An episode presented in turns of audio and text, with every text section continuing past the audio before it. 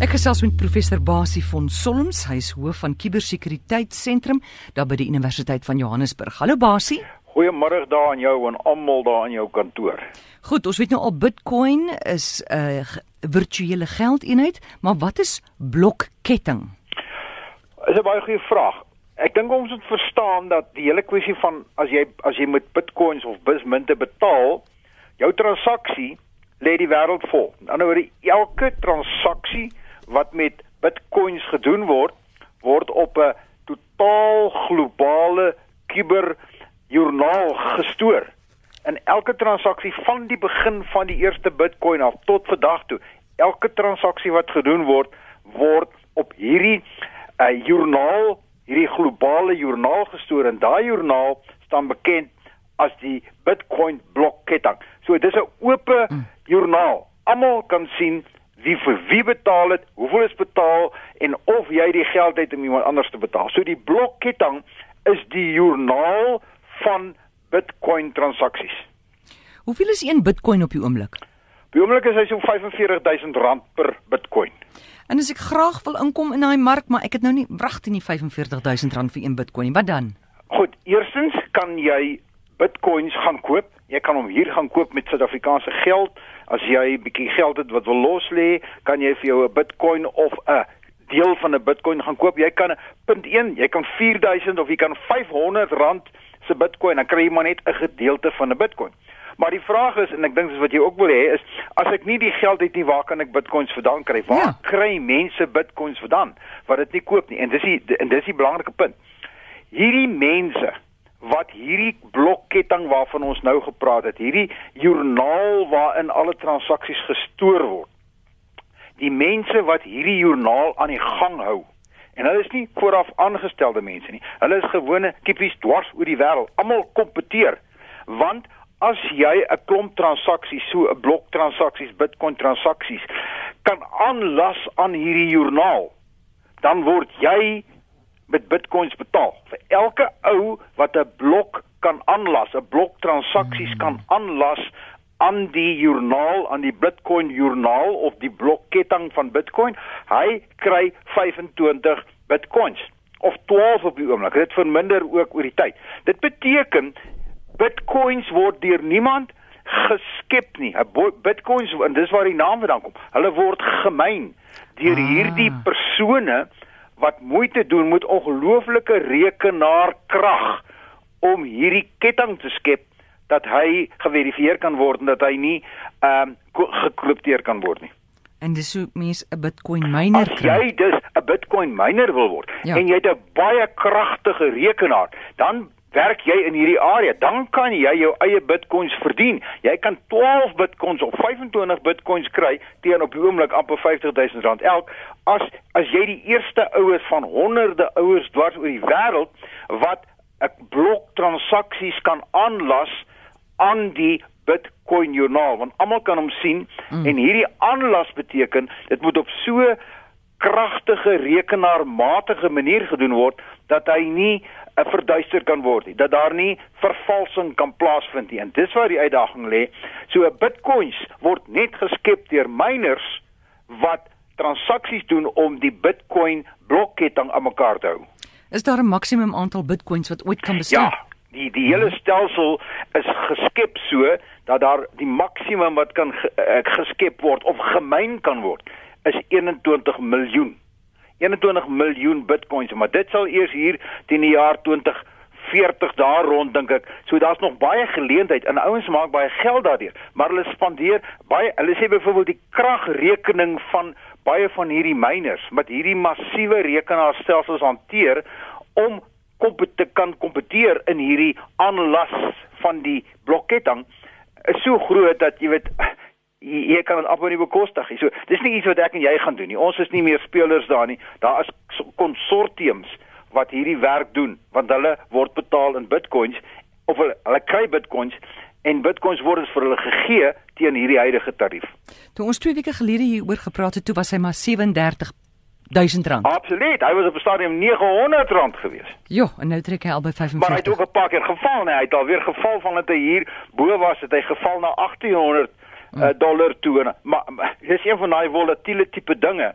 As jy die geld het en jy wil dit vir niks gebruik nie, miskien is dit nie moeite werd. Uh maar dan moet jy besef jy kan dit ook verloor, maar onthou daar daar is die ou, hierdie John McAfee wat gesê het hy gee sy sy hy hy, hy sit sy kop op 'n blok dat teen 2025 oor 5 jaar, nee, 2023, 25, 22 gaan 'n Bitcoin 500 000 dollar 500 000 dollar, dis is 10 miljoen rand elk werd wees. Het jy nou al een gekoop?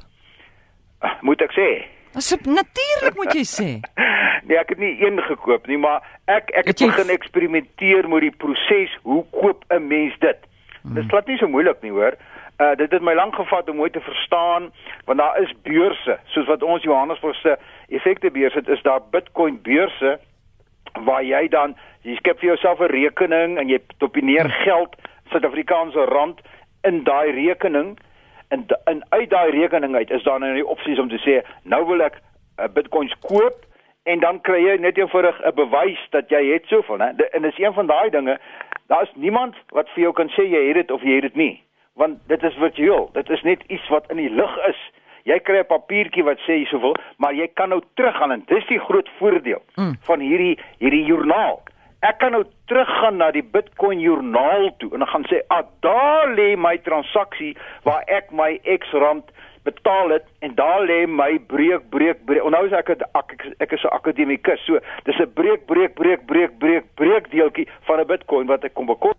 Maar daar lê almal kan hom sien. Ja. Hoorie baas, ek het hier vir jou vraag van 'n luisteraar. Hou aan. Ag nee, ons het hom nou verloor. Goed, hy sal seker nou weer bel, dan gaan ek jou ja. onderbreek.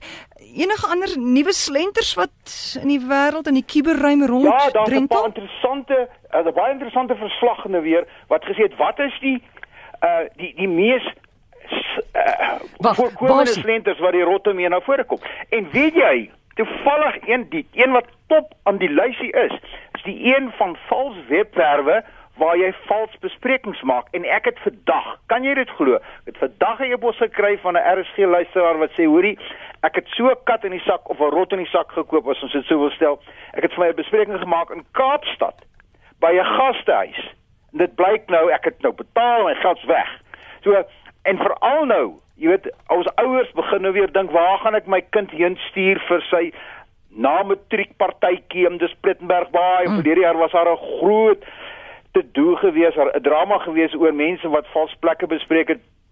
Wees uiters versigtig daarvoor as jy 'n plekbespreking maak in Suid-Afrika of op waar ook al en hierdie ouer het nogal gedoen op een van die bekende plekbesprekingsstelsels uh wat dwars oor die wêreld bespreek kan word en hy daarvoor 'n kat in die sak gekom. Maar waarvoor hy staan heel bo aan die lysie. Maar waarvoor moet ons in uitkyk as ons plek wil bespreek? Ek uh, die die punt hier in my advies hier is as jy op die webwerf kom en jy kom by by by by Kipikandas se se se se hotel. Ja en hy, en jy kan intyds bespreek. Gaan eers terug. Gaan Google eers Kipi Kandase Hotel. Gaan kyk wie het al daar bespreek. Gaan kyk of daar mense is wat kommentaar gelewer is. As jy nêrens Kipi Kandase Hotel kry nie. Ja. Ryke rot.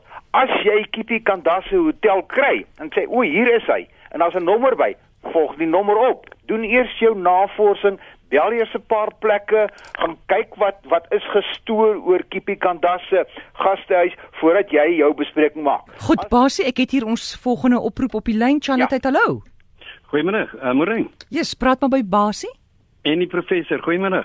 Hallo daar. Uh, kan die prof ons dalk net 'n bietjie uh indig rondom die risiko van ander toestelle? Ons ons kan nie net van ons rekenaars praat wat kuberkrakers aanwend om die inligting te kry nie.